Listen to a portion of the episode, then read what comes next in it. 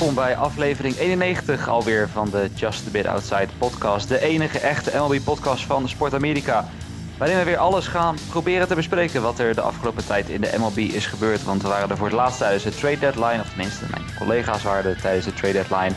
En nu zijn we dus weer terug twee weken later om eh, te bespreken wat er in de tussentijd is er gebeurd. Met deze week onder andere aandacht voor de Mets en de Cubs. We spreken ook wat records die zijn verbroken door onder andere mannen als Albert Pujols en Chris Sale. Dat doe ik uiteraard met Justin Kevenaar. Niet alleen, dat doe ik ook met Jasper Roos. Yes, ook weer terug van vakantie. Precies, helemaal opgeladen weer. En ook altijd opgeladen Mike van Dijk. Yes, goed dat jullie weer zijn jongens. Inderdaad, inderdaad. Allemaal weer wat ik zei, opgeladen, fresh. En weer klaar om uh, ja, eigenlijk uh, de stretch in te gaan hè, van dit uh, MLB-seizoen. En dan toch zoals elke keer, ja, het is misschien dit keer geen moment van de week, maar dat moment van de afgelopen twee weken. Mike, wat was jouw moment van de afgelopen weken? Ja, mijn moment kwam eigenlijk van, uh, wel van afgelopen week.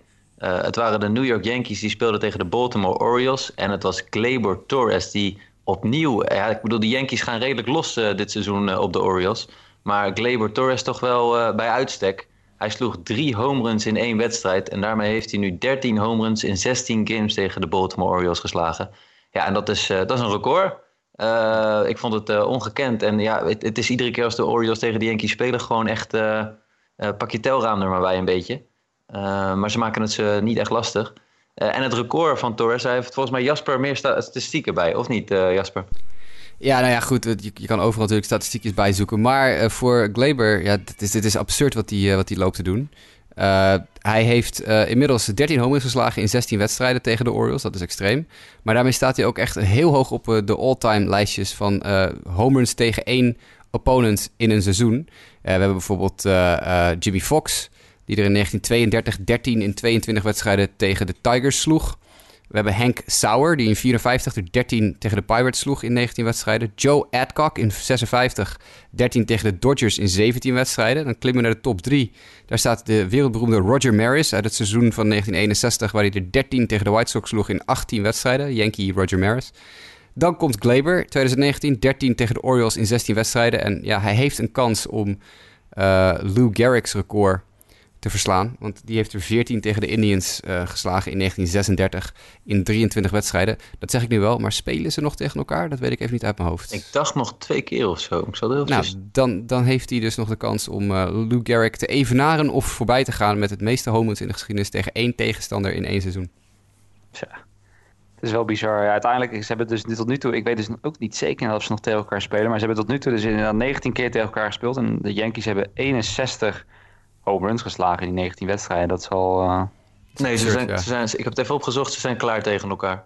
Helaas, dat gaat Glaber dus, het, het, record van Garrick is, uh, is veilig wat dat betreft. Maar Glaber staat dus nu tussen Lou Garrick en Roger Maris op uh, de eeuwige lijstjes qua home runs tegen één team in één seizoen. En dat zijn toch wel namen waar je u tegen zegt, denk ik. Tja. Ja, ja en, en, vooral, ik bedoel, de Orioles-werpers die... Uh, ja, het zijn niet echt de beste werpers. Hè? Maar ik zie ook dan David Hess, een van de relievers slash starters, starters van de Orioles. Die heeft in 20 innings heeft hij tegen de Yankees gepitcht. Hoeveel home runs denken jullie dat hij heeft opgegeven in die 20 innings? Oh boy. Dus 12? 12? Oeh, 10? Ja, 13. Jemig, Hij heeft een slugging percentage van 8-0-2 tegen de Yankees. Uh, tegen, ja, dat is, uh, David Hess die heeft denk, elke, denk elke keer ook daarna dat hij elke keer het veld op is gezien, dat hij echt dacht van, oh damn, here we go again.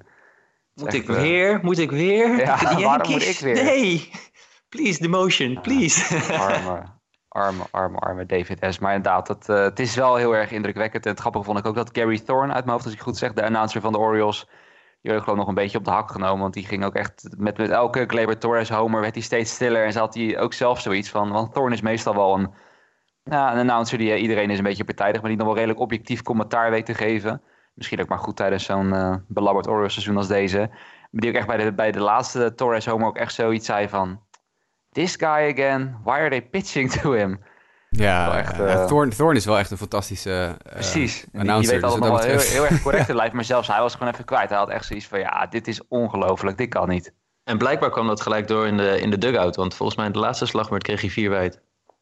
Ja, toen... Uh, ja, lekker toen, gek. Toen hadden ze het eindelijk door, inderdaad. Maar goed, we gaan uh, wat dat betreft blijven wel even bij de Yankees, maar wel iets heel anders. Jasper, voor jouw moment van de week. Dat, dat is wel iets heel anders, maar... Ja, echt volkomen bizar verhaal. Brian Cashman, de GM van de Yankees, die wij natuurlijk in, uh, in Londen nog voor de camera mm -hmm. hebben gehad, uh, Justin. Die is gearresteerd van de week. Althans, die is met getrokken wapen door de politie bestormd. Omdat Cashman in zijn Jeep Wrangler, hij, blijkbaar heeft hij een, een Jeep Wrangler of zo waar hij rondrijdt. En uh, die had hij uh, gestolen gemeld bij de politie vorige week zaterdag. Maar de politie vond hem op een gegeven moment weer vrij snel, uh, ergens in de Bronx. En heeft toen de politie heeft hem dus zijn jeep teruggegeven. en hij heeft dus, was onderweg naar het, het police department om voor, voor vingerafdrukken en zo uh, zijn, zijn voertuig te laten controleren. En toen zag een andere politieauto zag hem rijden. En die dacht, hey, die auto staat als gestolen in ons systeem. Dus die agenten zijn met, hebben hem vastgereden, klemgereden. En met getrokken wapen hebben ze hem uit zijn auto gehaald. dus uh, dat was wel even een momentje. Dan weer toch een van de beroemdste New Yorkers op dit moment, denk ik, Brian Cashman. Dat hij dus eventjes met uh, ja, getrokken pistool en al... door vijf politieauto's klemgereden is. Tja. Ja, What wel, happened to you today? ja, inderdaad. Maar goed, hij was zelf heel relaxed erover. Hij zegt, ja, iemand was gewoon vergeten om hem van de, van de lijst van gestolen voertuigen af te halen. Dat, uh, dat, dat, gebeurt. niks ergs is ervan gebeurd. Dan denk ik altijd bij mezelf, nee, want Brian Cashman is wit. Als Brian Cashman een kleurtje had gehad, dan was het een heel ander verhaal geweest. Maar goed, oké. Okay. Uh, dat even daar te gelaten. Uh, het zal, ja, het zal Cashman niet heel veel windeieren leggen dit hoor. Dat nee. is, uh, hij zou er nog wel wat uit kunnen halen. Maar Precies. toch wel even opvallend dat je als, als GM van de Yankees dus ook nog uh, door de politie klem gereden en uh, met pistool op je gericht. Ja, ja is, toch, is toch wel wat. Bijzonder verhaal inderdaad, bijzonder verhaal inderdaad. Voor mijn moment van de week blijft het eigenlijk ook heel netjes bij, bij afgelopen week. En gaan we naar Bryce Harper toe. En ik denk op dit moment dat bijna iedere honkbalfan die hier naar luistert dat wel heeft gezien. Maar heb ik het over de walk-off die Harper van de week 15 augustus sloeg tegen de Chicago Cubs. Grand Slam walkover door de Phillies met 7-5 wonnen van de Cubs. Nou, het hele stadion werd gek, commentatoren werden gek. Cubs en, werden gek. Ja, de Cubs werden, werden gek, inderdaad, begrijpelijk. Maar ik moet zeggen, uiteindelijk, uh, Harper, we kunnen denk ik stellen, het is een teleurstellend seizoen. Vooral gezien het feit wat, wat de Phillies voor hem hebben neergelegd en wat de verwachtingen dan zijn. Het, zijn het dan natuurlijk ook wel onrealistische verwachtingen om mee te beginnen. Maar toch, uh, nu drie wedstrijden op rij homers geslagen. Vier homers in drie wedstrijden. En eindelijk nu ja, het ventieltje bij de Phillies toch wel de afgelopen twee weken een beetje leeg bleek te lopen. De Mets die haalden ze in zelfs op een bepaald moment. Dat hij er dan nu toch, de afgelopen vier wedstrijden, ze hebben nu vier wedstrijden achter elkaar gewonnen, as we speak. Nou, dat Harper daar dan toch wel uh, invloed op heeft en uh, zich laat gelden. En dan toch misschien nog in deze stretch run echt beslissend gaat zijn voor de Phillies. En dat ze op die manier toch in ieder geval dit jaar wat terugkrijgen voor dat geld wat ze hem de komende jaren nog gaan overmaken. Dat, ja, Kijk, ik ben niet de grootste Bryce Harper fan, geef ik toe. Kom er maar Mets fan, maar dan nog vond ik het wel mooi om te zien dat hij in ieder geval uh, mooie dingen doet. En een uh, behoorlijke tik ook weer voor de Cubs natuurlijk. Die weer dat een uitwedstrijd verliezen. Ja. En die zelfs gesweept werden in Philadelphia. Maar goed, daar kunnen we het later nog wel de over de, ene brood is wat dat betreft inderdaad de andere Inderdaad, ja. En daar gaan we inderdaad straks dan nog meer, uh, meer over hebben. Inderdaad over de Cubs kant van dit verhaal. Verder dan uh, winnaars en verliezers. Harper was dus wel een beetje een van de winnaars van deze week. Mike, wie heb jij nog meer als winnaar van de afgelopen weken? Ja, dit gebeurde vrij vroeg, denk ik, uh, nadat we onze vorige podcast hadden opgenomen. Mm-hmm. Maar dat was een, ja, ik vond het toch wel een leuk lichtpuntje, zeg maar, weer bij de Baltimore Orioles te vinden. Uh, misschien, ja, het, is een wat, het is, ja, ze zijn schaars, maar ze zijn er. Uh, de outfielder Anthony Santander, ja, denk ik niet de meest bekende outfielder die er is in de Major League. Ehm, maar er waren bij een thuiswedstrijd van de Baltimore Orioles iets van 4000 Britse scouts. En dan heb ik het niet over scouts met een radar gun uh, om te kijken hoe goed de Baltimore Orioles zijn. Maar gewoon zeg maar scouting. Die zaten in het linksveld in een vak. En ja, ik weet niet of het was omdat ze gewoon het spelletje leuk vonden. En Anthony Santander een keer een balletje na een, na een inningovergang het publiek in had gegooid. Maar ineens was echt 4000 man volledig fan van Anthony Santander. En bij iedere pop-out of fly-out, zeg maar, routine flyball richting het linksveld ging dat hele vak volledig uit zijn plaat. Het was echt hilarisch om te zien. Uh, iedere keer als hij aan, aan slag kwam, leefde het hele publiek ook uh, op als het ware. Dus uh, ik vond dat wel een, ja, een, een, leuk moment. Dus Anthony Santander en zijn fanclub zijn wat mij betreft toch wel een beetje een winnaar. om een beetje sfeer te brengen in het... omdat het zo geluk was om sfeer te brengen in het Baltimore Orioles stadion in deze periode. Ja, Nou ja, dat is natuurlijk ook wel zo. Ik bedoel, met 4000 man, vooral denk ik gezien de toeschouwersaantallen tegenwoordig van de Orioles, dan is het natuurlijk al snel dat het opvalt. Maar het was wel inderdaad, uh, wat, je, wat je net zegt, hilarisch. De meest simpele vangballen werd hij gewoon voor aangemoedigd. En het leuke was ook wel dat hij er zelf ook echt op inging, zeg maar. Dat hij ja. echt en ook genoot van het moment, zeg maar. En even omdraaide. En nu ik er trouwens op zit te googelen, zit ik te kijken, hebben ze nou ook zelfs een Twitter-account ervoor ervoor aangemaakt. Hij, hij, heeft op Twitter wel gereageerd. Hij heeft op Twitter uitgebreid bedankt voor hun steun en dat soort dingen. Ja. Dus dat, uh, en, hij heeft ja, daarom, dat, uh, dat is wel echt, uh, ja, dat is wel echt geniaal inderdaad. En ik geloof dat zelfs een van de, van de, van de dames dan daar zelfs ook nog snel naar binnen was gerend om een cent en der jersey te halen en zo. En Klopt. dat dan ook aan ging trekken. En dat, het slechtst verkopende al... shirts bij de Orioles is gewoon een keer over de toonbank gegaan. Weet je wel, dat idee? Een, een, een, hilarische, hilarische bedoeling, ja. Nee, dat uh, zonder meer een van de winnaars dan toch bij de Orioles uh, van de afgelopen tijd. Maar qua verliezers, waar gaan we dan naartoe, Mike? Ja, uh, we gaan naar umpire Chris Siegel. Uh, niet te verwarren met Steven Seagal. Uh, het is geen familie. maar het was... Daar heb je de hele week op zitten broeden. nou ja, Jimmy is vandaag afwezig. Ik denk, ja. iemand moet het een beetje big shoes te veel, maar ik ga het proberen. maar Chris Siegel is een umpire. de Yankees hebben de laatste tijd wel veel in Toronto gespeeld. En het nodige te doen gehad met de umpiring in Toronto. Ik weet niet waarom dat is, of daar een verband is. Maar er was, ik weet even niet wie de werper was. Die zat in ieder geval redelijk laag in de zone. En de umpire callde dat steeds als een strike. Tot frustratie bij de Yankees. Uh, er was best wel wat discussie steeds vanuit de dugout. En er werden dingen geroepen. En toen dacht in één keer de umpire... Volgens mij hoorde ik daar ergens in de verte de stem van... Laat ik eens iemand noemen. Brett Gardner. Brett, you're out of the ballgame. En iedereen keek echt rond van... Huh? Wat? wat? Brett Gardner? Het enige wat die heeft gedaan is wat hij altijd doet... zeg maar zijn knuppel stoten met de uh, de punt van de knuppel tegen het dak aan. Uh, maar die had niks gezegd. En vervolgens Boone die gaat erop af. Die zegt, wat, wat doe je nou, wat doe je nou? En toen hoorde Brad Gardner na een halve minuut... dat hij degene was die uit de wedstrijd was gezet. En die ging echt als een, als een stier op die scheidsrechter af. En Boone hield hem tegen. En ik, weet je, het, het punt is... Die, die umpire die stond echt totaal niet open voordat hij het fout kon hebben, of dat iemand anders had gezegd. Hij was compleet overtuigd van zijn eigen gelijk. Het is een beetje een rookie scheidsrechter. Uh, de commentatoren gingen daar ook volledig op los op deze man. Maar hoe oneerlijk kan je het hebben als iemand die dus op basis van de beelden ook echt niks gezegd heeft, uit de wedstrijd wordt gegooid? Het was echt te bizar voor woorden. En uh, na afloop was er ook een interview met Brad Gardner, waarin uh, ik vond het mooiste dat hij zei van, I'm mad, because he's lying and he knows it. Weet je wel, dat, dat, ja, ik kon het zo goed begrijpen. En het enige wat deze scheidsrechter krijgt is, nou ja, niet eens wat volgens mij. Uh, hij hoeft niet, weet je, in de eredivisie hier komt nog een scheids voor de camera om uit te leggen wat zijn lezing was en waarom hij het gedaan heeft. En deze man die zat compleet fout en die komt er gewoon mee weg. Sterker nog, ik had gelezen dat Joe Torre zei van, ja, er kwam veel uit uh, uit de kleedkamer of uit de dugout van de Yankees. Ik begrijp wel dat hij iemand uh, eruit gooide. Niet specifiek Brad Garner omdat hij niks zei. Maar wat hij daarna allemaal deed en dergelijke. Ja, dan was hij...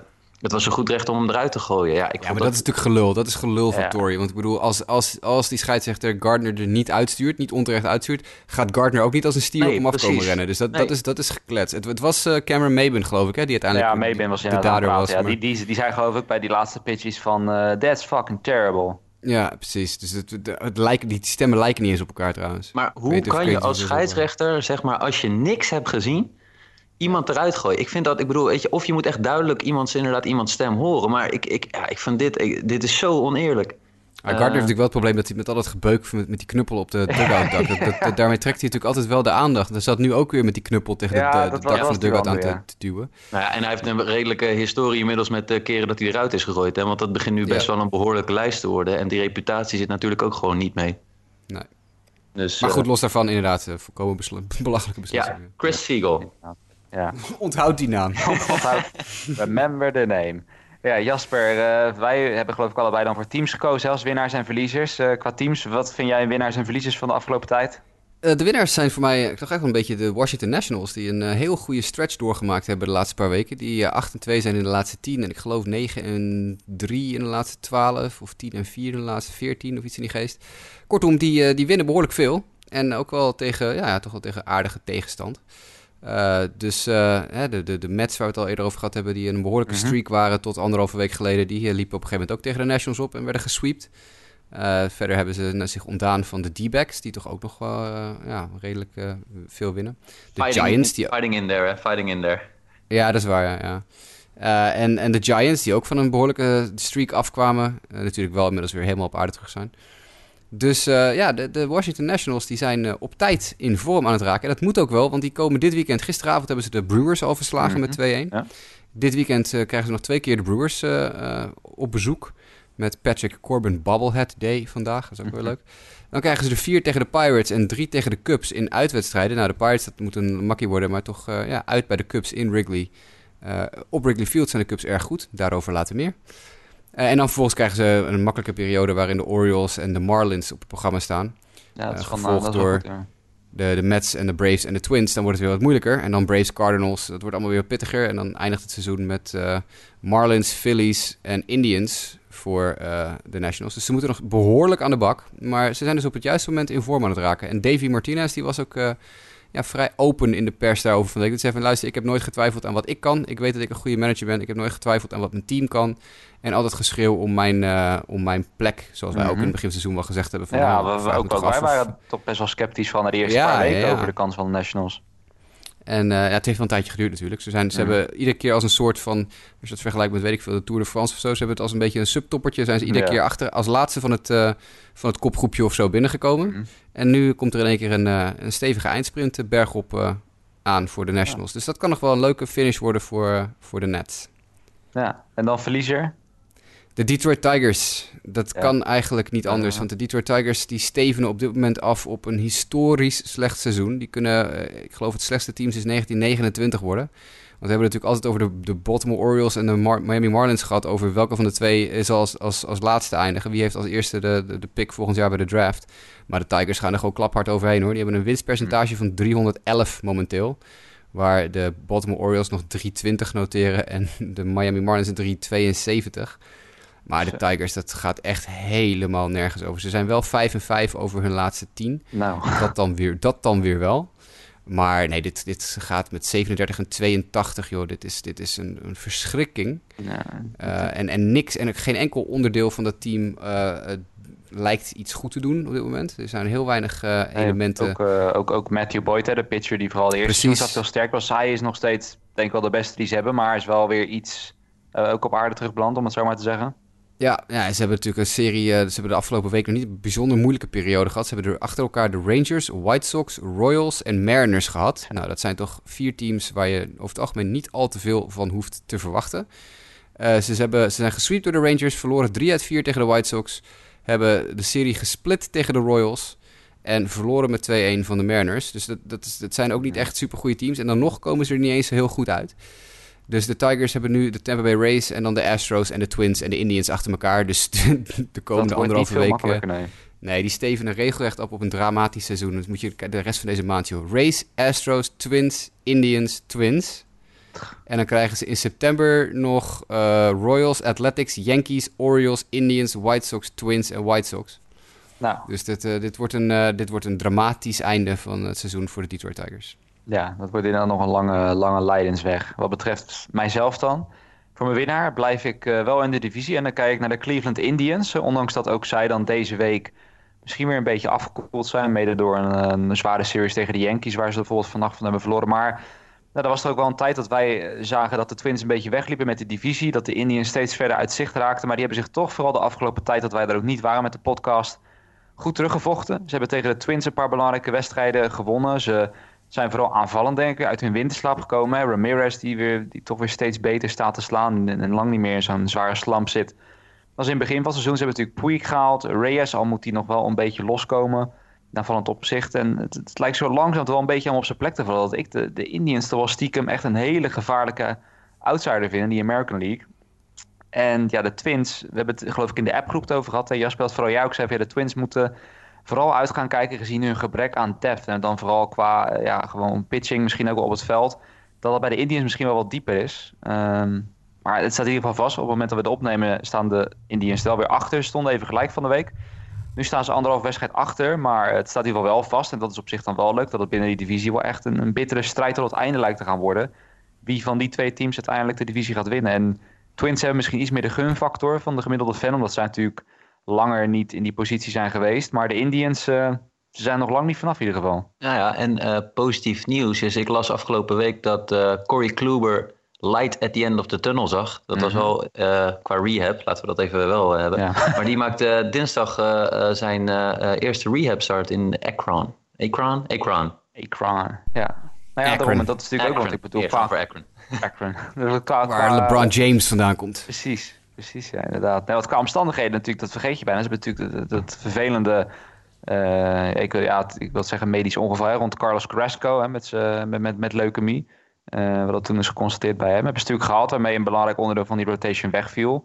Uh, aan de andere kant Bieber, die wel echt een breakout hier heeft wat dat betreft. Die echt heel goed staat te gooien. De meeste complete games ook geloof ik in de majors dit seizoen. Hij gooit, dus... hij gooit wel weer, hè, Carrasco. Hij is weer aan het, aan het Ja, precies. Het, was, het ging wel de dus- goede kant. Ook dat ging de goede kant op inderdaad. Dus dat, dat was goed om te lezen. Maar nee, de Indians dus. Ik denk dat die nog wel met de divisie weer... Ja, dat is misschien niet zo'n hele wild take, maar ik zou zeggen, als je me nu zou vragen, zou ik zeggen Indians winnen de divisie en de Twins gaan net naschrijven. Maar er zijn nog genoeg wedstrijden te spelen. Ik zeg trouwens verkeerd, hij heeft al gegooid afgelopen dinsdag. Hey. Ja? Ja. Kijk. Vier innings. Even kijken. Vier innings, twee hits één, ja, vier innings, twee hits, één run tegen. En vorige week uh, zes, nee, vorige week drie innings, ook twee hits tegen. Hmm. Dus uh, op de weg terug. Ja, precies. Dat zou goed, uh, goed voor ze zijn. Maar waar het dan wat minder goed gaat, en dan ga ik meteen maar door naar mijn verliezer, dat zijn de Pittsburgh Pirates. Tijdens de All-Star break, ik weet niet meer precies hoeveel wedstrijden het was, maar toen zaten ze een beetje in die zone waar de Reds nu zitten. En misschien ook een beetje in een verder verlengde Diamondback, zeg maar. Dat niemand ze echt zag als een ploeg om echt rekening mee te houden voor een wildcard. Maar ze hingen er vlak achter. En wie weet, hè, met de juiste puzzelstukjes die allemaal op de goede plek vallen. Kon het misschien zomaar gebeuren, maar dan kijken we naar de All-Star break en daar verloren ze, of laten we zo zeggen, ze gingen hun eerste 28 wedstrijden na de All-Star break 4 en 24. Ja, met die cijfers ga je uiteraard niet meedoen om wat dan ook. Ja, misschien om een uh, top 5 draft pick. En ze staan nu dan ook echt ver laatste in de eigen divisie, 51 en 70. Uh, zijn ook zelfs bijna het slechtste team in de National League daarmee inmiddels. En de Marlins, die staan er vijf wedstrijden onder. En de Pirates, die zijn wat dat betreft als een nachtkaars uitgaan. Ook Josh Bell, de, man eigenlijk van de eerste seizoen zelf, die ballen links en rechts eruit sloeg. Uh, ook heel veel, de meeste RBI's toen had in de National League. En daar nog steeds wel hoog in staat. Gewoon puur omdat hij in de eerste seizoen zelf zo goed bezig was. Die heeft gewoon pas onlangs de eerste home run geslagen sinds de All-Star break. Die, die hele offense is gewoon lam geslagen. En uh, nou ja, qua pitching, we hadden het ook vooraf erover. Jameson Tyone was al een tijdje weg en uh, is onlangs bekend geworden dat hij definitief Tommy John surgery moet ondergaan. En dat was toch wel de ace van de Pirates aan het begin van het jaar. Dus, uh, tweede keer in zijn carrière. Tweede keer ook inderdaad. Dus dat zijn geen, dat zijn geen goede dingen. En nog steeds natuurlijk het uitblijven van ja, Chris Archer, die nog steeds niet echt zijn plek lijkt te hebben gevonden daar in Pittsburgh. En waardoor die trade er alsmaar slechter en slechter uitziet. Dan is ook Clint Hurdle ja, dat gedonder inderdaad. Ik bedoel, je zegt nou dat, dat Chris Archer niet zo goed zijn plek heeft kunnen vinden. Volgens mij kan niemand echt zijn plek vinden. Het is een en al gedonder daar. Je hoort alleen maar dingen over ruzies in het clubhuis, ruzies tussen spelers onderling, ruzies met de coachingstaf, uh, ruzies met de bullpencoach. Iedereen, iedereen ligt met elkaar overhoop daar. Dus dat is één grote pleurisbende. Ik zou zeggen piratenschip, maar muiterij ja, nou ja, piratenschip. Ja. Nou ja, en het probleem is dan geloof ik dat van zowel Hurdle als, als de GM Huntington, dat hun contracten al ook nog wel doorlopen dat de paar natuurlijk erom bekend staan uh, dat het management dan niet echt uh, graag uh, onnodig geld uitgeeft. En dus ook niet heel graag mensen ontslaat als dat geld kost. Dus dat waarschijnlijk Hurdle daarom alleen al verzekerd is van zijn plekje, evenals Huntington. Maar goed, het, het, het, lijkt me wel dat er uiteindelijk vooral kijk, naar lange termijn iets moet gaan gebeuren. Want voorlopig gaat deze rebuild, als je het al zo mag noemen, echt helemaal nergens heen. En dat is misschien ook een beetje het gevolg van het feit dat de Pirates vorig jaar al dus niet de keuze wilden maken om te gaan rebuilden. Een beetje dat half-half deden. En uh, ja, daar betalen ze nu misschien dan uh, de prijs voor dat het gewoon echt een net niet team is. Dat nergens heen gaat. En dat is uh, spijtig voor de Pirates, want ik vind het wel een leuk team en een leuke franchise om, om te volgen. Maar goed, het nee, ik vind, het, ik, dus, ik, ik, vind de franchise vind ik echt geen klap aan. Ik vind het wel een heel mooi stadion. ja, ja, laat ik zo zeggen. Het komt vooral door een stadion dat ja, ik ze het stadion een beetje mooi, sympathiek maar... vind, zeg maar. Maar ik vind die Huntington een dweil. Ik vind Clint Hurl een galbak. Ik vind het de, commentaarteam bij de Pittsburgh Pirates is echt werkelijk waar te slaapverwekkend. Ja, ja, ja. Oh, mijn hemel, wat is dat erg zeg. Dus uh, ik gun de fans, want dat zijn, zijn wel hele loyale wel, fans over het algemeen. Vooral met die playoff-wedstrijden zag je dat ook, hoe wat voor een toffe sfeer dat daar was. Ik, ik, gun die, ik gun die fans echt veel meer dan dit. Ja, nou ja, dat is het dan inderdaad vooral. Dat, uh, dat, dat voel ik inderdaad helemaal. Dus dat, ja, jammer voor de Pirates, maar volgend jaar beter zullen we dan maar zeggen, want dit seizoen gaat nergens meer heen. Dan gaan we door naar de nieuwtjes. En we hebben er best wel veel. En we hebben niet tijd genoeg. Dus we laten er, gaan er een beetje wat vluchtig doorheen, denk ik, straks. Allereerst wel wat grote nieuws natuurlijk. Fernando Tatis, Jasper. Die gaan we helaas niet meer zien. Dat is jammer voor honkbalfans throughout the world, hè? Ja, out for the season met een rugblessure. Het is niet officieel bekendgemaakt dat hij er voor het hele seizoen uit zal liggen. Maar daar lijkt het wel heel erg op af te stevenen. En waarom zou je ook, als je in principe nergens meer voor meespeelt, je nieuwe superster uh, over de kling jagen, bij wijze van spreken? Dus de kans is heel groot dat we het laatst hebben gezien van Fernando Tatis Jr. Wat natuurlijk voor de Padres een behoorlijk tikkie is. En ook voor, de, voor de fans. Maar dat betekent eigenlijk ook wel dat natuurlijk Pete Alonso uh, automatisch nu de Rookie of the Year in de National League gaat winnen. Ja, ja nee, inderdaad. Want ik zat er net nog over na te denken. Waar zou de enige concurrentie vandaan moeten komen? Het is denk ik jammer voor bijvoorbeeld Keston Jera dat hij later is opgeroepen en ook weer is teruggestuurd en zo tijdens het seizoen. Want ik denk als hij vanaf het begin had gespeeld, dan had hij echt Alonso wel een run voor his money kunnen geven. Want die staat, als je kijkt naar zijn gemiddeldes, uh, echt ook over een heel seizoen. Die cijfers, dan had hij echt wel in de top eh, gestaan bij verschillende dat hebben, we toch echt wel, dat hebben we toch wel goed gezien, hè? Die jongens als Keston Hura en, uh, en Pete Alonso en zo. Dat we dat van tevoren hebben aangekondigd dat ik, ik al twee jaar achter die Hura aanloop. Nou ja, en Hura vooral. En dat het ook vooral dus des te bizarder was dat de Brewers hem... Wat was het, een maand geleden of zo, nog twee, drie weken naar Triple A hebben teruggestuurd. Voor, voor Shaw, die nog steeds geen deuk in het pakje boter sloeg. Ja, dat is was volslagen bizar, dat kan ja. ze achteraf. Kijk, je weet niet hoeveel invloed dat dan heeft. Eén zo'n speler die er niet bij is. Maar als je kijkt naar nu, hij slaat al heel veel wedstrijden clean-up als nummer 4 hitter. Dat had toch misschien wel één of twee wedstrijden kunnen schelen. Ik, ik, denk, ik zit even naar de rookie-lijst te kijken. Er is nog één speler die nog wel een kans maakt om uh, het Piet Alonso moeilijk te gaan maken. Mm. En dat is een heel erg under the radar Brian Reynolds bij de Pirates. Ah ja, nou kijk, die heeft echt een bij de Pirates, ja. fabelachtig seizoen. Toevallig stond er van de week ook een artikel op Sports Illustrated, zeg ik uit mijn hoofd, weet ik niet, over, over Reynolds. Mm -hmm. tussen al die grote namen als Alonso en Tatis en Austin Riley en Victor Robles en Keston Hura en zo en Alex Verdugo en Nick Senzel, mm staat Brian Reynolds gewoon ook gewoon 3,34 te slaan met een 9,42 OPS hè, dit jaar. Zo, dat is inderdaad wel, wel goed. En dat is dan trouwens wel, ik weet even niet meer uit welke trade Reynolds kwam. Maar... Met de Giants. Mm, dus dat was dan met... Hij komt bij de Giants vandaan. Even kijken. Hij is gedraft door de Giants ooit. Brian Reynolds, trade. Ja, daarom, dat, dat was ik toen ook wel in een artikel over de Pirates. Dat dat nog een van de weinige trade pieces McCutcheon. was. Ah ja, McCutcheon trade. Nou ja, goed, dat dat een van de weinige pieces was waarvan je kan zeggen van, nou ja, die trade heeft goed gewerkt. Omdat verder dus heel veel trades ook wel echt de verkeerde kant op zijn gegaan voor de Pirates. Maar, uh... Nou, Kyle Crick heeft ook de majors gehaald inmiddels voor, uh, voor de Pirates. Dus uh, dat, dat, zit ook wel, gaat ook de goede kant op. Maar Reynolds, dat, dit, ook kan je teruggaan naar de draft. Volgens mij onze eerste draft podcast was mm -hmm. de draft waar Reynolds gedraft is. En toen was ik ook al, hij komt bij Vanderbilt vandaan. Toen was ik ook al behoorlijk gecharmeerd van hem. En ik vind het wel heel leuk om te zien. Hij slaat niet heel veel homers, maar wel een hoge OPS. Dus wel 9,42 OPS. En toch ook al 334, 341 slagbeurten dit jaar. Ja. Waarmee hij gewoon keurig op de 1, 2, 3, 4, vijfde plek staat in, uh, in het rookie-klassement. Alleen achter Alonso, Christian Walker van de Diamondbacks, Victor Robles en Alex Verdugo. Hij heeft dus meer slagbeurten ook dan Fernando Tatis. En ah, Nick Senzel bijvoorbeeld. Ah. En Austin Riley. En nou, logischerwijs Keston Hura en zo. Uh, dus ik, uh, ik zet nog een klein beetje geld ook in op... terwijl ik natuurlijk de Alonso ja, fanfiets heb ge gereden zeggen, het hele die, die heb je ook voorspeld. En ik weet dat de rest toen nog voor Victor Robles gingen. Die heeft, ik moet zeggen, Robles heeft zeker geen slecht of belabberd seizoen of zo. Maar iedereen dacht echt dat hij een beetje Juan Soto-achtige cijfers ging, ging neerzetten. Ja, maar dat is, nog niet helemaal gebeurd. Hij is wel productief, nee. vooral ook in de steals en zo. En genoeg Vooral dat hoor, maar... want voor de rest is het uh, een 7,44 OPS en een 2,46 slaggemiddelde. Dan ga je geen Rookie of the Year mee winnen. Precies, precies.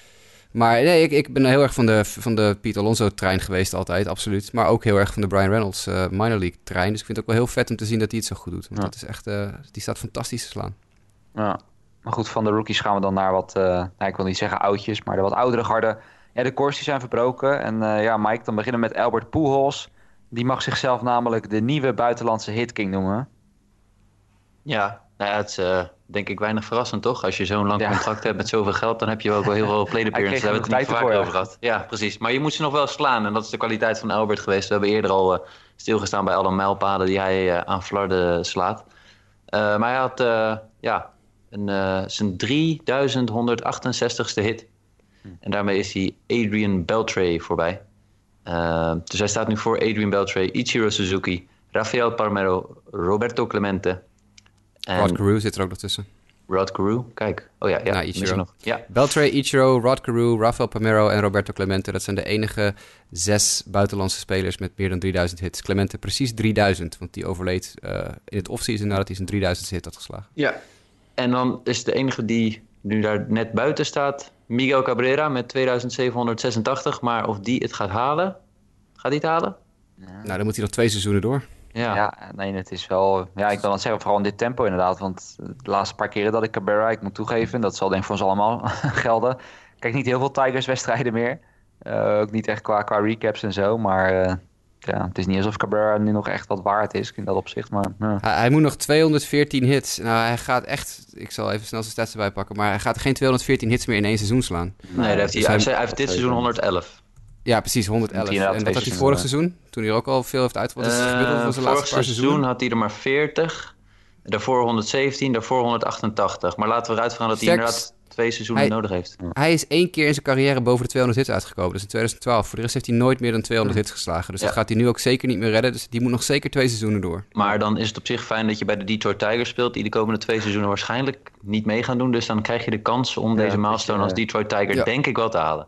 Ja, en zijn contract loopt ook nog wel door, geloof ik. Zijn contract loopt nog door tot 2025. Nou, kijk eens aan.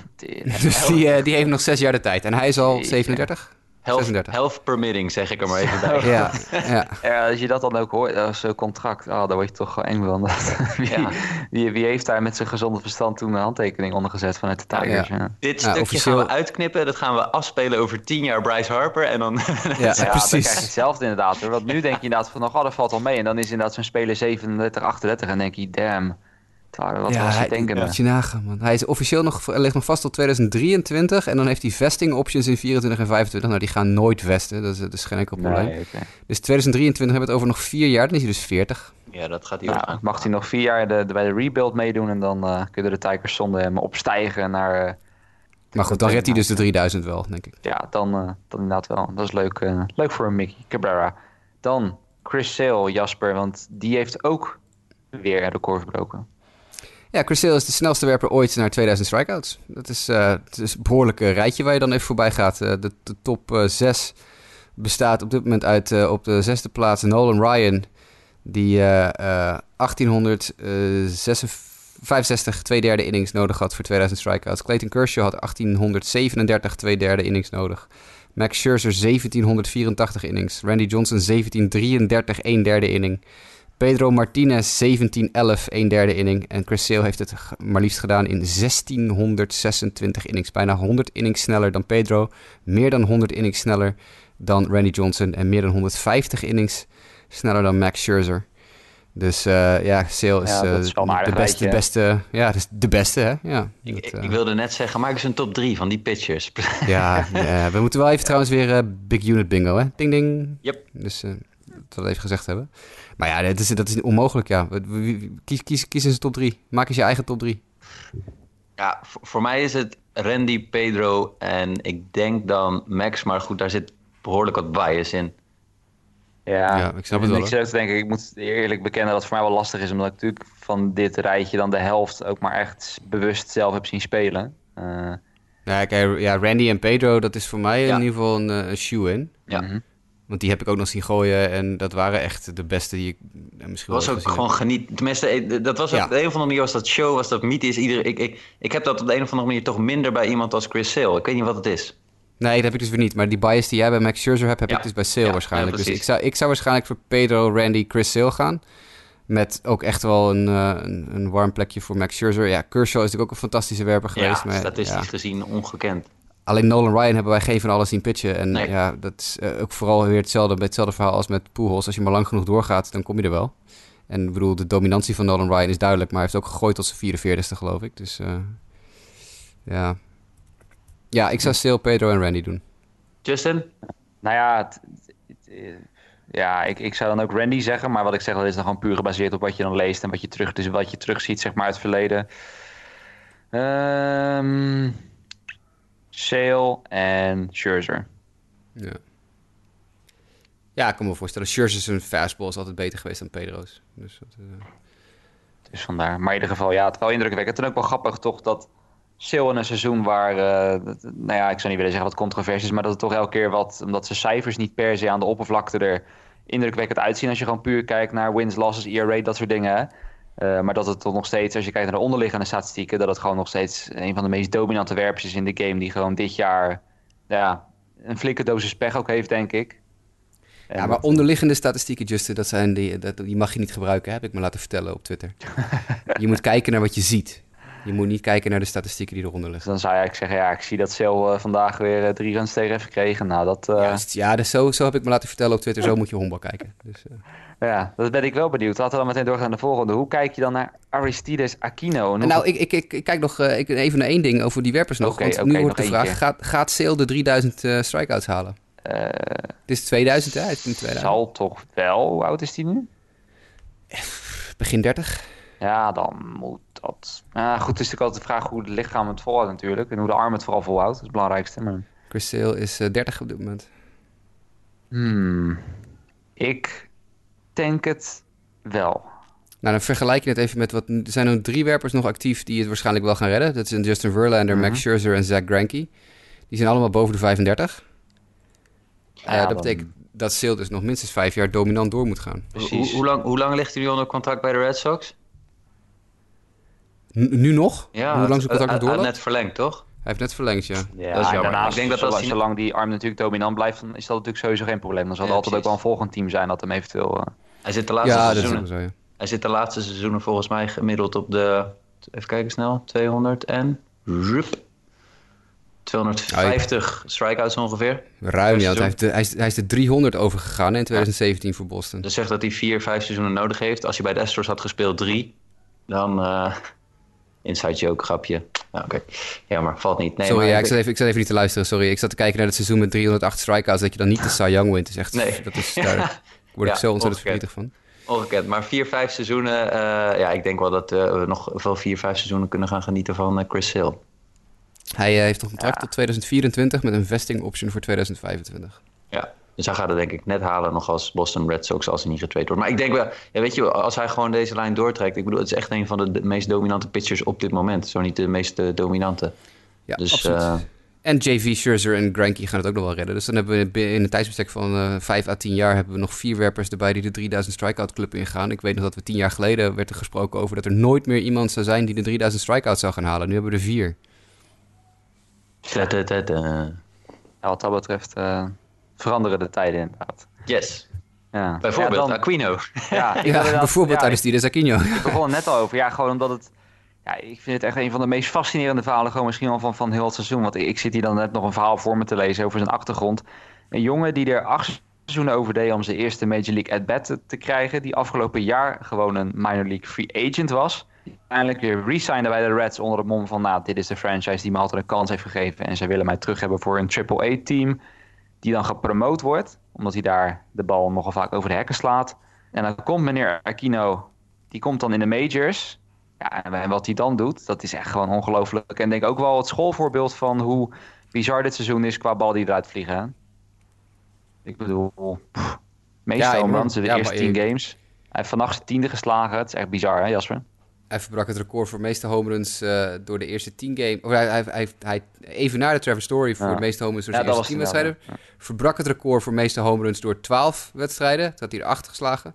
Toen sloeg hij zijn negende in 14 wedstrijden, wat het record van Trevor Story verbrak.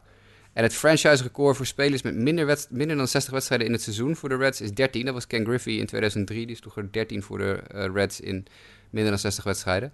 Uh, hij heeft een serieuze kans om Ken Griffey te gaan verslaan in het ja, uh, record. Hij, ja, hij zit dus na vannacht zit hij op 10 en het is, ja, het is gewoon zo raar. Gewoon een jongen die zo lang onopvallend in de Myers heeft rondgelopen. Die wordt gepromoot. Dan gebeurt het één wedstrijd. Denk ik, ja, oké, okay, kan. Gebeurt in de derde wedstrijd. Denk ik, ja, dat nou, kan nog steeds gebeuren. Misschien kennen de werpers hem nog niet zo goed, maar ik zit dan ook hier wat, wat, wat statistieken te, door te nemen. Dat het ook wel zo is dat hij heeft tot nu toe dus nou, ik gok dat nu 14 flyballs zijn geweest. En van die 14 zijn er 10 het, sta, eh, zeg maar het veld uitgegaan. Dat is wel echt een. Ja, het is een small sample size inderdaad. dat is Hij heeft 51 e- slagbeurten gehad en 1.1 war. Hij is nu al een 1.1 war waard. Is ongelooflijk. Ja, en... is ook pas 25, hè? Nou ja, dat wel. Het is ook weer niet alsof hij nou, nou per se super, super oud is. Maar hij heeft geloof ik ook al de, wel de highest exit velocity. Heeft hij geloof ik al wel. Want dat stond op naam van zeg ik even over Gary Sanchez en Pieter Alonso. En ik geloof zelfs dat hij daar, of hij, heeft, hij staat nu gelijk met die twee, met de highest exit velocity. Dus het is ook wel zo, als hij hem raakt, dat het ook wel echt gewoon echt loeihard is. Ja, dat is, het is echt uh, het is een verhaal, joh. 25 jaar, 231 OPS plus. oh, verdorie. Ja. hij is dus 131% beter dan de gemiddelde uh, honkballer. 131% beter. Kijk, en het is dus het, het, is maar de vraag hoe het... Want toevallig heb ik hier een artikel voor me waarin iemand de vergelijking aanhaalt met Daniel Polka. Dat hij zegt van, het lijkt ergens qua skillset een, een beetje daarop in de zin van... Het, het is gewoon iemand die, ja, als die contact maakt, dan is de kans, bestaat dan dat, het, dat de bal de kaart uitgaat. Maar er is ook een kans dat hij zomaar 12 strikeouts achter elkaar noteert. Maar dat lijkt dus voor nu enigszins mee te vallen bij, uh, bij Aquino. En het grappige vind ik ook dat deze schrijver hier, van Forbes is het, ook een voorbeeld aanhaalt met Kalian Sams, uh, oh. een Nederlander. En ja, ik heb hem zelf dan nooit echt uh, meegemaakt. Dat was een beetje voor de tijd dat ik nog echt actief honkbal begon te volgen. Maar die zei, ja, die leek ook wel een beetje daarop met zijn skillset. Alleen was het probleem misschien met Sams dat hij niet in deze tijd uh, honkbalde. Want dan had hij misschien een, een stuk succesvoller geweest met zijn skillset. Dat vind ik dan wel grappig. Hij speelt volgens mij nog wel ergens. Ik weet er niet waar op dit moment. Ja. Maar goed, eigenlijk meneer meer Aquino. Dus ja, denken we dat hij dit echt vol kan houden? Nou, weet ik niet. niet in dit tempo, maar eh, denken we echt dat dit, legit is? Dat er echt gewoon dat de Red Sea misschien wat hebben gevonden voor een outfield? Nou ja, je, je, weet het niet. Hij staat inderdaad, ik heb het Statcast-lijstje met exit velocity even opgezocht. Giancarlo Stanton staat nog steeds bovenaan met 120,6 mijl per uur. Hmm, en dan volgt er een rijtje met Vladimir Guerrero Jr., Giancarlo Stanton, Vladimir Guerrero Jr., Gary Sanchez, Pete Alonso, Aristides Aquino. Allemaal mm, ja, 118,3, 118,7, 118,8, weet je, allemaal daar in de buurt. Ja, precies. Dus hij staat inderdaad tussen een stel uh, ja, bashers. Hij staat zelfs uh, twee tiende mijl per uur boven Aaron Judge's een uh, hardste home run. Oh. Dus hij spat inderdaad van die knuppel af. Kalian Sam speelt in de Canadian American League op dit moment bij de Sussex County Miners. Kijk. Goed om te weten. Maar, even heel kort, ik vind dit ook weer echt typisch dit seizoen. En met name de laatste paar weken. je noemde net al bijvoorbeeld de opkomst in één keer weer van de Cleveland Indians. de Mets, daar komen we zo meteen volgens mij ook nog over te spreken.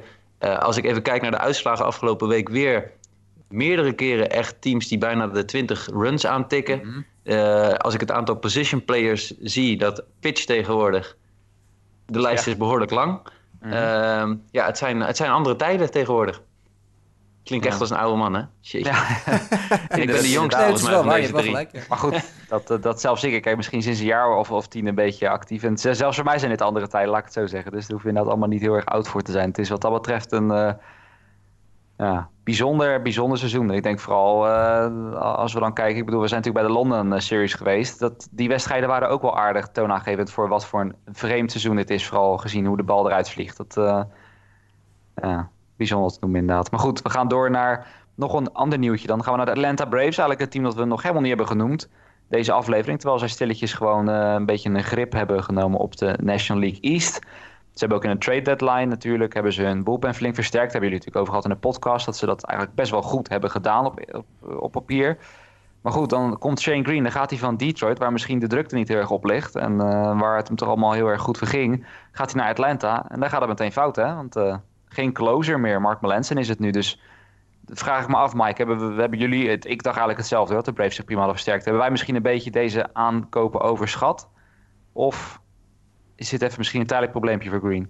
Ik, ik, ik denk een tijdelijk probleempje, maar ik heb me niet uh, verdiept in de statistieken uh, uh, specifiek.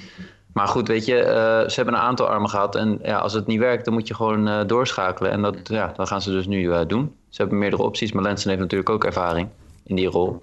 Dus we gaan Ik zou bijna uh, zeggen dat ze hem daarvoor gehaald hebben, Malensen. Omdat ze misschien dachten, mm -hmm. nou ja, Green is inderdaad vorig jaar dat bij de Tigers wel goed. Hadden, ja. Het jaar daarvoor, dus dit jaar was Green goed. Het vorig jaar was hij niet goed. Het jaar daarvoor was hij wel goed. En alles daarvoor was bagger.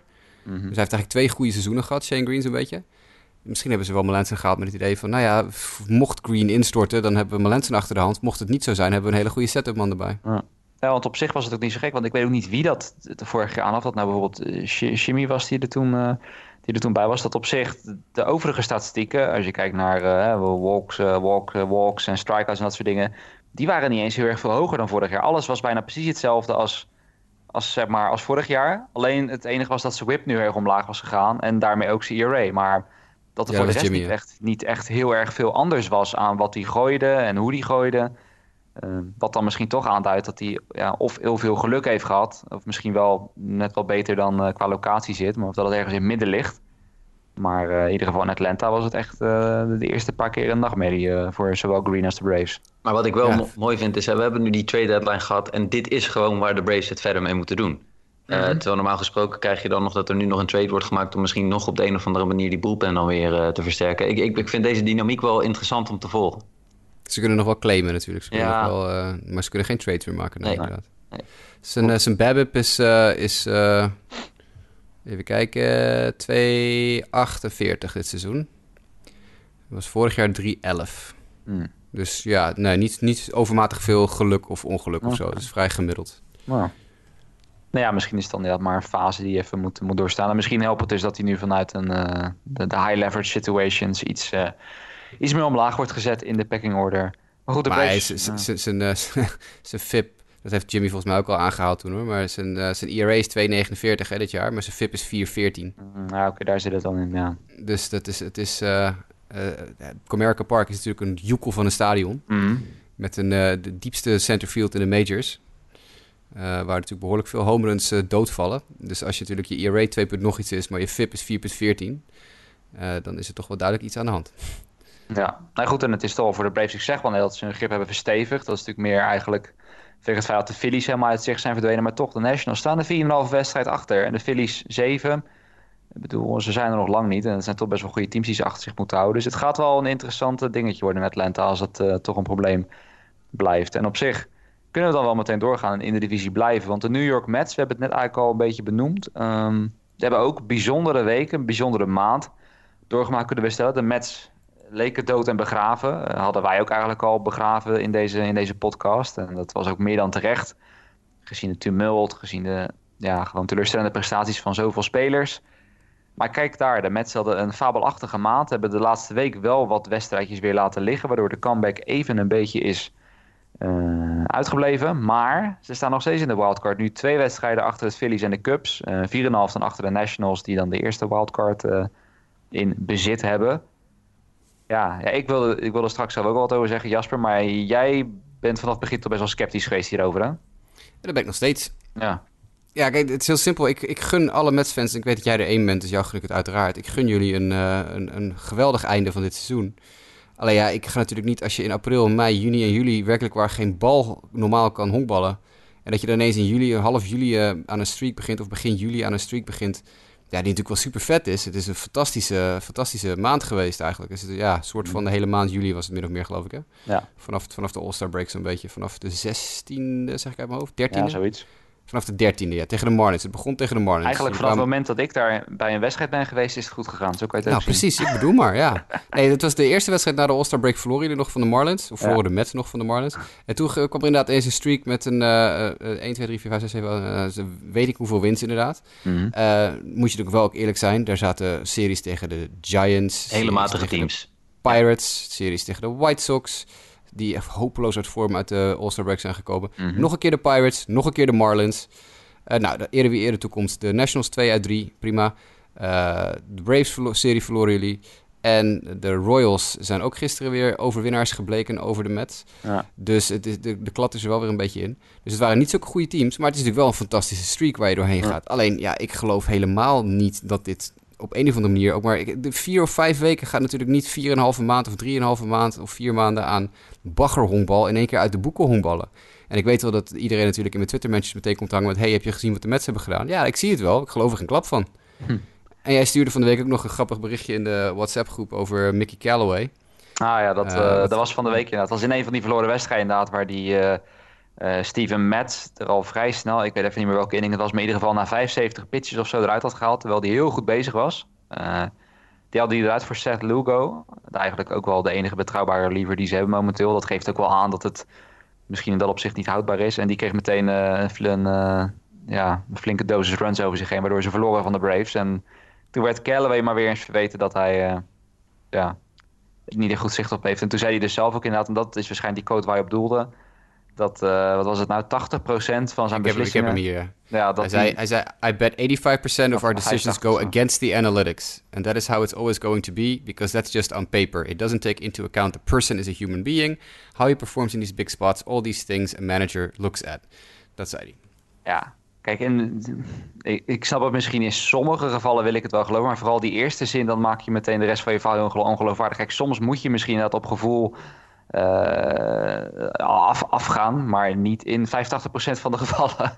Dat lijkt me wel echt heel irrationeel als, uh, als Major League Manager, vooral in dit tijdperk. Dus dat, dat maakt het natuurlijk wel volstrekt ongeloofwaardig, maar en, ja, dit is Mickey Galloway, hè? Het is ook gewoon niet waar wat hij zegt. Want statistieken nemen namelijk tegenwoordig, zeker met de nieuwe statistieken, met de, met de, mhm. de, moderne statistieken waar we nou twee, drie, vier seizoenen mee bezig zijn. En ik heb mijn vakantie in Spanje afgelopen weken heb ik uh, gebruikt om de MVP-machine helemaal mhm. van begin tot eind helemaal door te lezen. En daar is dit ook heel duidelijk besproken. En ik kan niet, ik heb het al een paar weken geleden aangeraden, toen heb ik het aangeraden op een paar kleine stukjes die ik uit het boek gelezen. Ik heb het nu helemaal gelezen jongens, koop allemaal de MVP-machine, want je, je weet niet wat je leest. Zelfs ik heb echt met open mond zitten lezen af en toe over wat er in de sport allemaal aan de hand is op dit moment. Ga de MVP-machine mhm. kopen. Uh, dat is dus een van de dingen die dus wel in de statistieken opgenomen wordt tegenwoordig. Hoe bepaalde spelers in bepaalde situaties in een wedstrijd uh, performen, zeg maar. Of ze in crunch time, of in grote belangrijke momenten, of ze inderdaad daadwerkelijk presteren. Dat zijn juist dingen die dus wel in de statistieken staan. En je gaat natuurlijk niet, wat Callaway zegt, is eigenlijk een beetje, een beetje gekletst. Ik bedoel, dat is een beetje van, ja, oké, statistisch gezien is deze is speler A beter dan speler B op die positie. Maar ja, speler, speler B is een beetje verdrietig omdat hij al een tijd niet gespeeld heeft. Laat ik speler B maar opstellen. Of speler B heeft, heeft grit, hè? Die heeft... Uh, ja, dat, precies. Maar dat is onzin, weet je? Ja. Het is echt oprecht, en ik moet ook heel erg lachen, er is een heel grappig Twitter-account, Clueless Mickey, at Clueless Mickey C. dat is uh, uh, natuurlijk iedere keer als, er, als Mickey Calloway weer iets ontzettend doms zegt, dan komt er weer een heel grappige tweet van het account af. Maar ook echt, het, het is echt heel erg, want analytiek, uh, de stijfjes kijken namelijk wel naar hoe pitchers op bepaalde momenten bezig zijn. En als je inderdaad vervolgens in de zevende inning naar 75 pitches Steven Matz afhaalt, omdat jij voelt dat het de verkeerde kant op gaat. Maar de statistieken bewijzen dat hij, dat hij juist heel goed is in dat soort situaties. Met maar 75 pitches op zijn arm en in de zevende inning enzovoort enzovoort. Dan moet je toch op de stats afgaan. Wat is dat nou voor... Dat doen de teams die dus wel succesvol zijn, doen dat dus wel. Mhm.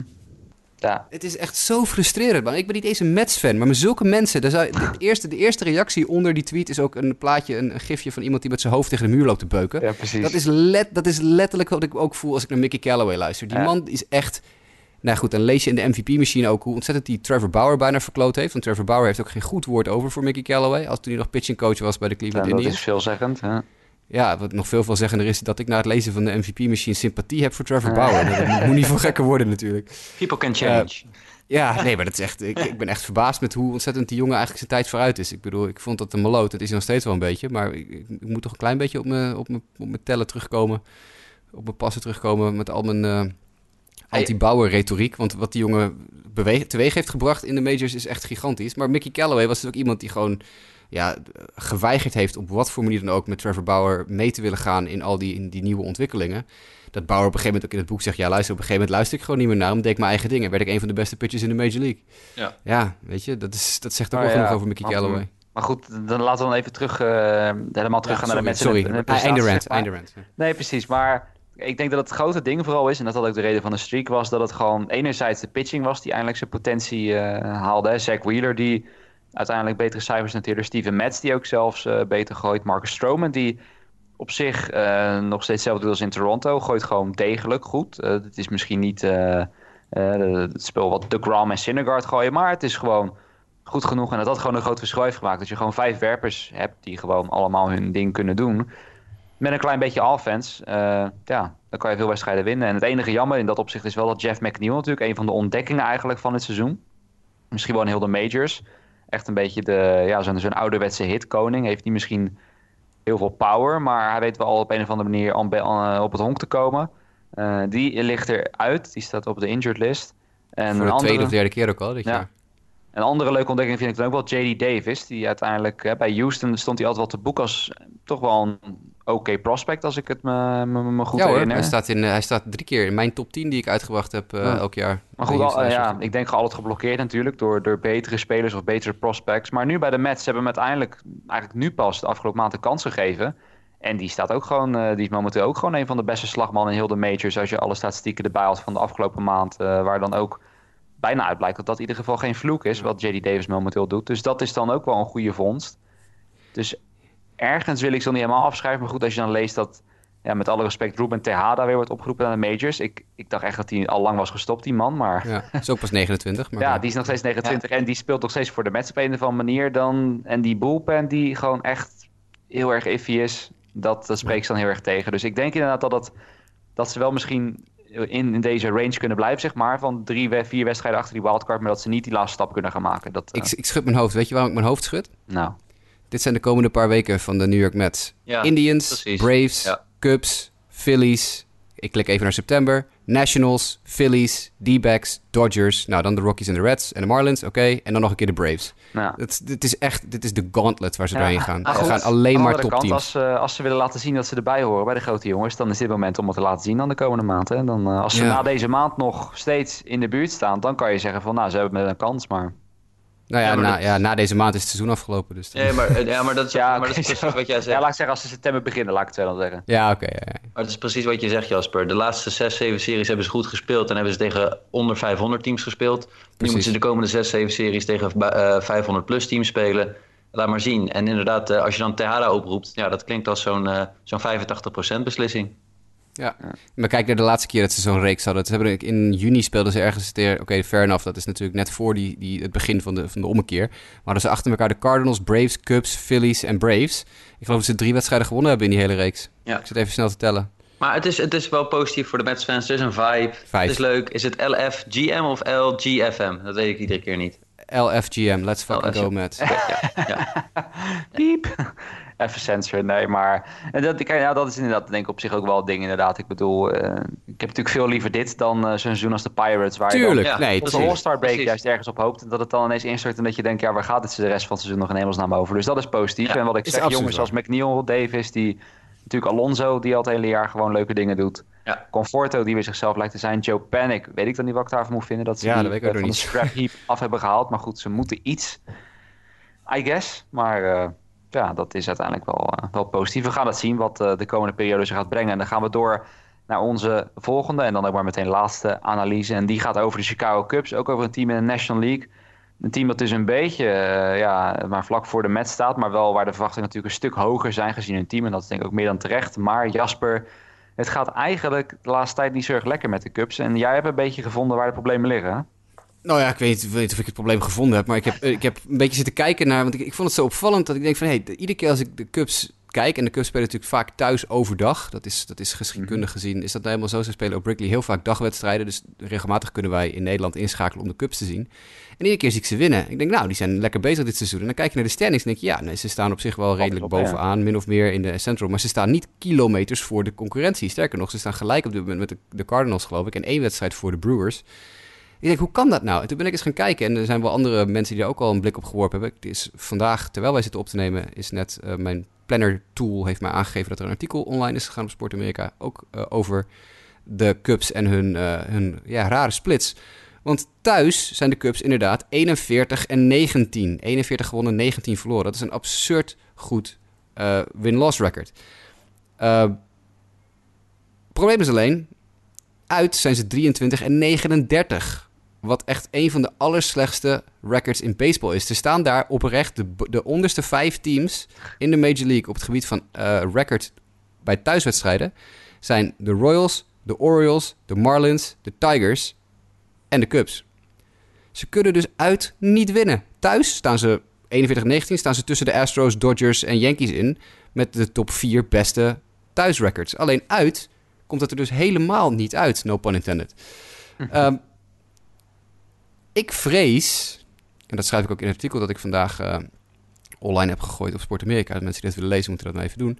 Ik vrees dat de Cubs het gewoon heel zwaar gaan krijgen nog. Want die staan weliswaar nu gedeeld bovenaan de NL Central. Maar ze krijgen nog 19 uitwedstrijden van de 40 die ze nog te gaan hebben. Dus bijna de helft. Op één wedstrijd na is dat de helft. Krijgen nog drie keer de Nationals, zeven keer de Brewers en zeven keer de Cardinals. Wat natuurlijk echt wel ook een stevige eh, tegenstand eh, rondje is. Ze moeten nog een keer een cross-country serie spelen van vier duels tegen de Padres. Dus dan moeten ze vanuit Milwaukee naar San Diego en dan naar Pittsburgh in een tijdsbestek van vijf dagen. Dan moet je dus twee keer het hele land doorvliegen in een tijdsbestek van vijf dagen. Ook niet ideaal. Eh, en ze eindigen het seizoen ook nog eens een keer in en tegen St. Louis. Met drie wedstrijden in Busch Stadium. Uh, dus dat betekent dat de Cardinals, als die de, de Cubs bijhouden, wat logischerwijs momenteel wel in te schatten is, mm -hmm. dat de Cardinals de Cubs gewoon kunnen blokkeren. Die kunnen ze helemaal uit de, uit de playoffs houden. Want ook de wildcard is geen garantie. Want in de wildcard moeten ze ook nog de Phillies, ja, de Nationals en de Brewers achter zich houden. Uh, en de Nationals die natuurlijk nu bovenaan staan, dus die hebben een, uh, een, een wildcard nummer 1. Maar de tweede wildcard, daar moeten ze ook nog stevige teams uh, ja. van zich afhouden. De Phillies die in een goede vorm zijn, die afgelopen week ook natuurlijk de, de Cubs sweepten. Dankzij die Grand Slam van Bryce Harper, waar mm -hmm. jullie het eerder al over hadden. Dus ik, heb, ik begin me toch zowaar een beetje zorgen te maken dat de, de, de shoe-in Chicago Cubs het niet gaan redden dit jaar. Nee, nou ja, ik, ik ben het inderdaad helemaal, helemaal met je eens in het opzicht. En ik vond eigenlijk vooral wel, de Cubs blijven nog steeds wel zo'n team uh, waar het echt letterlijk alle kanten op kan gaan. Ik denk als ze helemaal de playoffs zijn, dan, dan ja, het is natuurlijk logisch, hè? elk team in de playoffs moet je voor uitkijken. Maar dan zou het me niet verbazen als er ineens een of ander magical run uh, tot stand komt waarmee ze de World Series halen, bij wijze van. Maar uh, ja, op dit moment moeten ze zich vooral dat zorgen maken om die playoffs überhaupt te halen. Want wat je zegt, de concurrentie om zich heen, die is niet mals. En die presteert momenteel beter. En, nou, ja, en het grootste probleem bij de Cubs is natuurlijk gewoon de pitching. Kijk, als, als ze de playoffs mm -hmm. halen, dan gaan ze dat niet halen met thuisvoordeel waarschijnlijk. Want nee, de, en dat is dus het probleem. en dat is het grootste probleem. Want ze spelen thuis dus gewoon... Ja, de offenses zijn thuis en uit wel vergelijkbaar. Om eventjes niet mm -hmm. alle stats door te lopen, maar... Uh, thuis een OPS van 807, uit van 759. Oké, okay, het is 50 punten minder, maar dat hoeft geen verschil, zo'n enorm verschil teweeg te brengen in het totaalplaatje als wat we nu zien. Alleen de pitching is zo waanzinnig veel slechter uit dan thuis. Bedoel, thuis winnen ze een, hebben ze een winstpercentage van 683 procent, punt 683, dus uh, winning percentage van uh, bijna 70 procent. Met een ERA van 3,35, een 2,33 on-base average tegen, een 2,98 opponents on-base. Dat soort dingen zijn allemaal wel dik in orde. Maar als ze buiten Wrigley Field moeten ballen, hebben ze ineens een winstpercentage van punt 3,71 met een ERA van bijna 5 en een OPS van 800 tegen.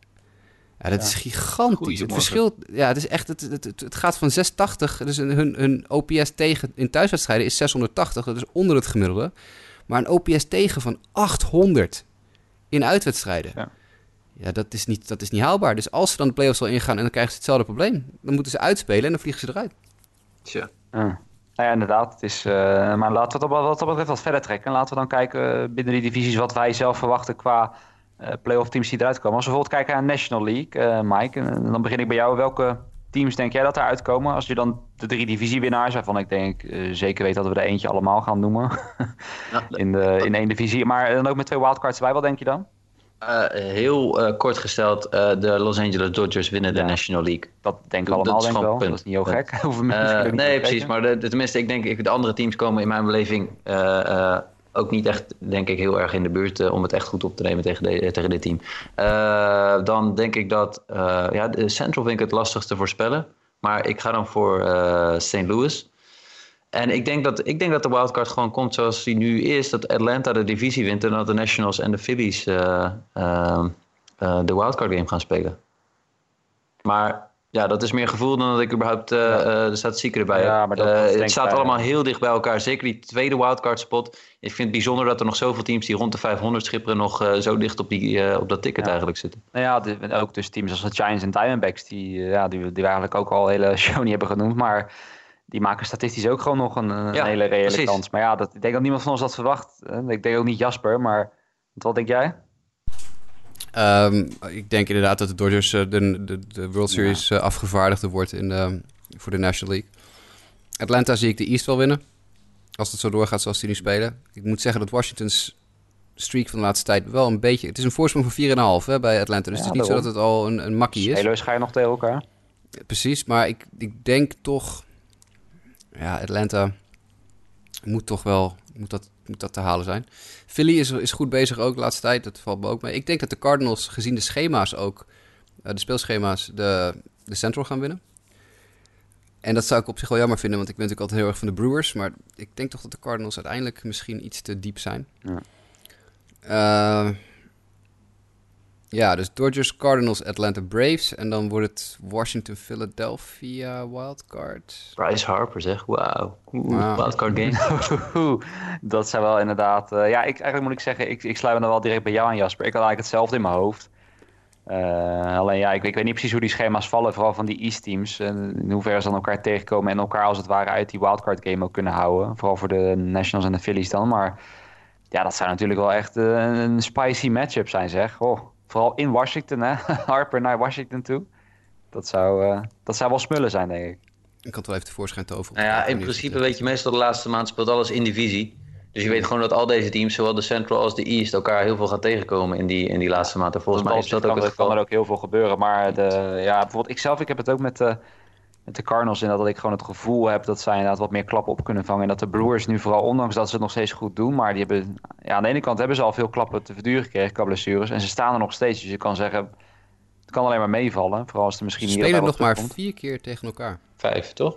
Vijf, sorry, één dubbelheader. Ja. Vijf, Vijf in één week, de laatste week. De laatste week, de, het seizoen eindigt voor Washington met drie wedstrijden tegen de Indians. Maar de vijf wedstrijden daarvoor, waaronder een doubleheader op uh, de 24e. Vijf wedstrijden tegen de Phillies. Ja, goed. En, en, als we dan even de andere kant nog snel kijken voordat we de show gaan, uh, gaan afronden. Zo, American League, wat, wat denken we daar dan? Want daar hebben we natuurlijk een beetje een ander soort verhaal. Uh, ook een groot team in de Boston Red Sox dan, wat echt nog steeds de verkeerde kant op gaat wat betreft de playoffs. wat verwachten we daar qua playoff beeld? Mike, mag jij weer beginnen? Ja, ik, uh, Boston uh, is wat mij betreft uh, klaar. Dat was de laatste serie die ze tegen de Yankees speelden. Toen dacht ik van, dit, dit is een klap met hoe ze spelen tot nu toe. Ik zie het niet meer gebeuren. Dus het worden denk ik de Yankees die de divisie pakken. Ik denk in de Central vind ik dan lastig te bepalen wie eigenlijk het gaat pakken. Want ja, jullie hebben het ook aangekaart. Minnesota heeft totaal niet het momentum. maar ik denk dat Minnesota het wel gaat halen. En Houston wordt de, de, de West winnaar. Leuk dat Oakland trouwens nog steeds redelijk mhm. in contention is. Die hebben met Harvey gecontracteerd. Had iemand dat gedacht? ja, dat, ik zag het staan vanochtend.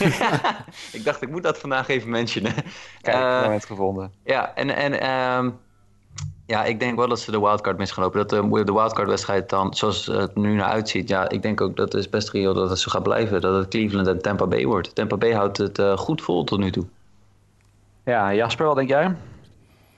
Um, nou, de Astros winnen de divisie met twee vingers in de neus. De Yankees winnen de divisie met uh, relatief twee vingers in de neus. Nou, niet relatief, maar dat erin is wel. Ja. hey, wat leuk. Het uh, run differential van de Houston Astros en de New York Yankees. De Astros hebben een beduidend beter run differential dan de New York Yankees. Goh, wie had dat gedacht? Al die mensen die bij mentions komen zeuren dat ik niet zo negatief moet doen over de Yankees. Um, ik doe niet negatief over de Yankees. De Yankees hebben een fantastisch team. De Astros zijn alleen beter. Uh, de, wat zei ik nou weer? Uh, Yankees en Astros, ja, oké. Okay. Uh, ik, denk dat, ik denk dat Cleveland de Central gaat winnen alsnog.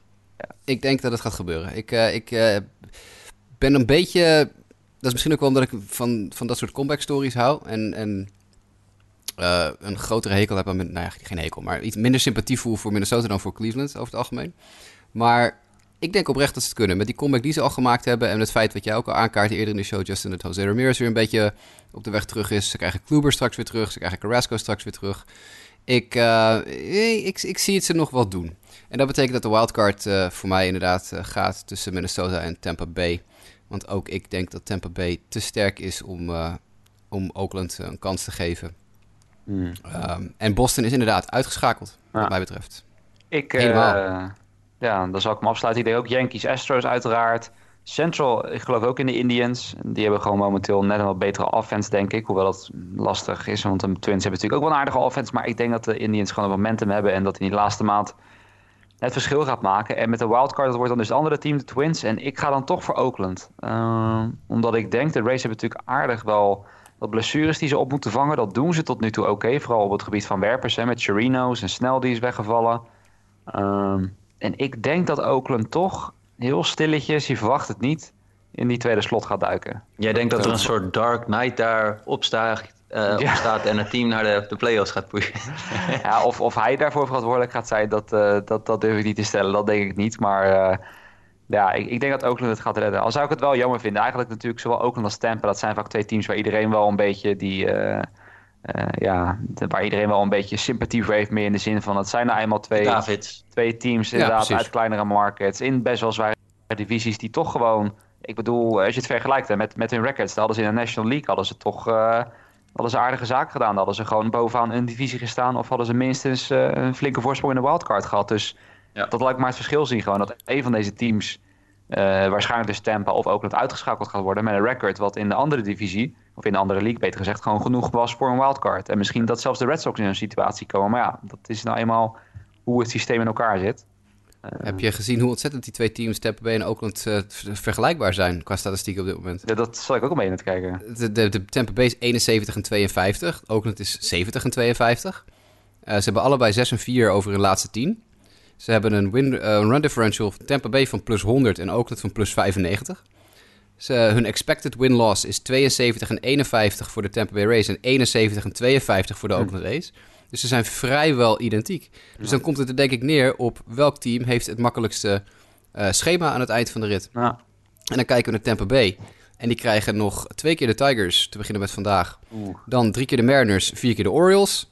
Dus de rest van deze maand is goed te overzien. Dan krijgen ze de Astros en de Indians. En gaan september in met Orioles, Blue Jays, Rangers, Angels, Dodgers, Red Sox, mm. Yankees, Blue Jays. Dus er zitten eigenlijk alleen de Dodgers, Red Sox en Yankees zitten er nog in als moeilijke tegenstanders. Ja. Oakland krijgt nog de Astros, de Yankees, de Giants, dan de Royals, nog een keer de Yankees. Uh, de Angels, de Tigers, de Astros, de Rangers, de Royals, de Rangers, de Angels en de Mariners. Dus nou, ook die schema's ah. ontlopen elkaar niet zo heel veel. Ik wil net zeggen, het enige is dat Oakland naar mijn idee misschien net één zwaardere serie extra heeft. Als ik het zo Vooral hoor. aan het begin, ja. Vooral eind deze maand. Dus augustus, de rest van augustus inderdaad, vooral binnen de eigen divisie inderdaad teams als de Angels, de Mariners, die, die niet echt ergens heen gaan, zeg maar. Dus dat, dat scheelt dan weer. Rangers ook trouwens. Dus Nee, dat kan nog wel een uh, leuk einde worden. Dat had ik niet zo gezien, maar nu dat zegt, ja, dat is inderdaad wel een, uh, een leuke race. Nou ja, en, en, vooral, want ik bedoel, we gaan allemaal wel vanuit dat een van die twee Central teams dan die andere pak. Maar het kan natuurlijk ook zomaar zijn, hè, mochten de Twins verder wegvallen of dat de Indians ineens helemaal toch, uh, dat daar minder vaart in zit in die comeback, kunnen natuurlijk ook zij gewoon nog ingehaald worden door allebei deze teams. Ook dat speelt natuurlijk Is ook nog een mogelijkheid, ja, inderdaad. Dat speelt natuurlijk ook nog een rol. Dus dat, dat gaat inderdaad wat, wat dat betreft nog steeds wel interessant, interessant worden de laatste anderhalve maand. Dan, uh, ja, ik denk dat we bijna aan de show zitten. Dus we gaan de laatste puntjes gaan we even wat sneller afwerken over St. Louis. Uh, Jaspertje in de outline gezet. Ze hebben hele subtiele wijzigingen aangebracht in hun logo. Ik heb het net opgezocht. Nou, ik denk dat subtiel misschien nog een understatement is. Ik zou aan iedereen adviseren, google het even en uh, speel zo'n spelletje wat je vroeger als kind altijd speelde van zoek de verschillen. En mail ons terug hoeveel verschillen jij kon vinden in het logo. Het is vooral bij de puntjes, hè, dat het allemaal... Ja Iets minder eh, scherp, allemaal iets iets, iets, minder scherp zijn en de blauwe lijnen die iets dikker zijn geworden. En, uh, ja. Het is mooi oldschool geworden, vind ik. Het is wel wat oldschooler Dat wel. Uiteindelijk, ik denk als je het misschien helemaal op die petten zelf ziet, dat het inderdaad wel net wat, dat wat leuker eruit komt, uh, komt te zien inderdaad. Maar het, was, uh, het is inderdaad letterlijk heel subtiel. Dan Chris Carter hadden we ook nog gevonden. Dus oudslagger die uh, vooral eigenlijk de mindere jaren heeft meegemaakt van zowel de Milwaukee Brewers als de Houston Astros. Ja, dat is uiteindelijk nog niet zo heel lang geleden dat die teams nergens om speelden. Toen was Chris Carter vaak de man als designated hitter of first baseman. Die de bal best wel vaak eruit kon slaan. Maar het enige probleem was dat het vaak ook alleen maar dat was. En verder ook heel veel strikeouts. Speelt nu in Mexico. Ik had geen idee dat hij daar speelde. Maar daar staat hij nu op 45 home runs met 12 wedstrijden te gaan. En als hij voorbij de 54 komt, dus dan moet hij nog minimaal 9 slaan. Uh, dan kan hij een record verbreken of in ieder geval op gelijke hoogte komen met een record uit 1985 uit Mexico. Wat werd neergezet door Jack Pierce, die toen 37 was. Dus nou ja, Chris Carter in Amerika is het hem nooit helemaal geworden. Hoewel hij natuurlijk wel een aantal jaar in de majors heeft gespeeld. En nu is hij in Mexico datgene aan het doen wat hij hier ook vaak deed. Maar daar waarschijnlijk wel met een stuk minder strikeouts gok ik. Ja, wij ook vooral, uh, dat gaan we niet uitgebreid bespreken, maar dat is wel geinig voor mensen om op te zoeken. We hebben het heel vaak over de honkbal in de Major League. Dat die natuurlijk, uh, ja, de honkbal is juiced, zeggen we wel eens. Hè. De bal vliegt veel verder uit, mhm. veel vaker uit het stadion. Dat is in Mexico nog veel extremer. Daar hebben ze ook aan het begin van het seizoen hebben ze een wijziging, uh, een ballenleverancier zijn ze gewisseld. Ze zijn van, ik geloof, Rawlings naar Franklin overgestapt. En de Mexicaanse bond had al gezegd vorig jaar, we willen meer home runs. Nou, dat heeft Franklin al even geregeld voor ze.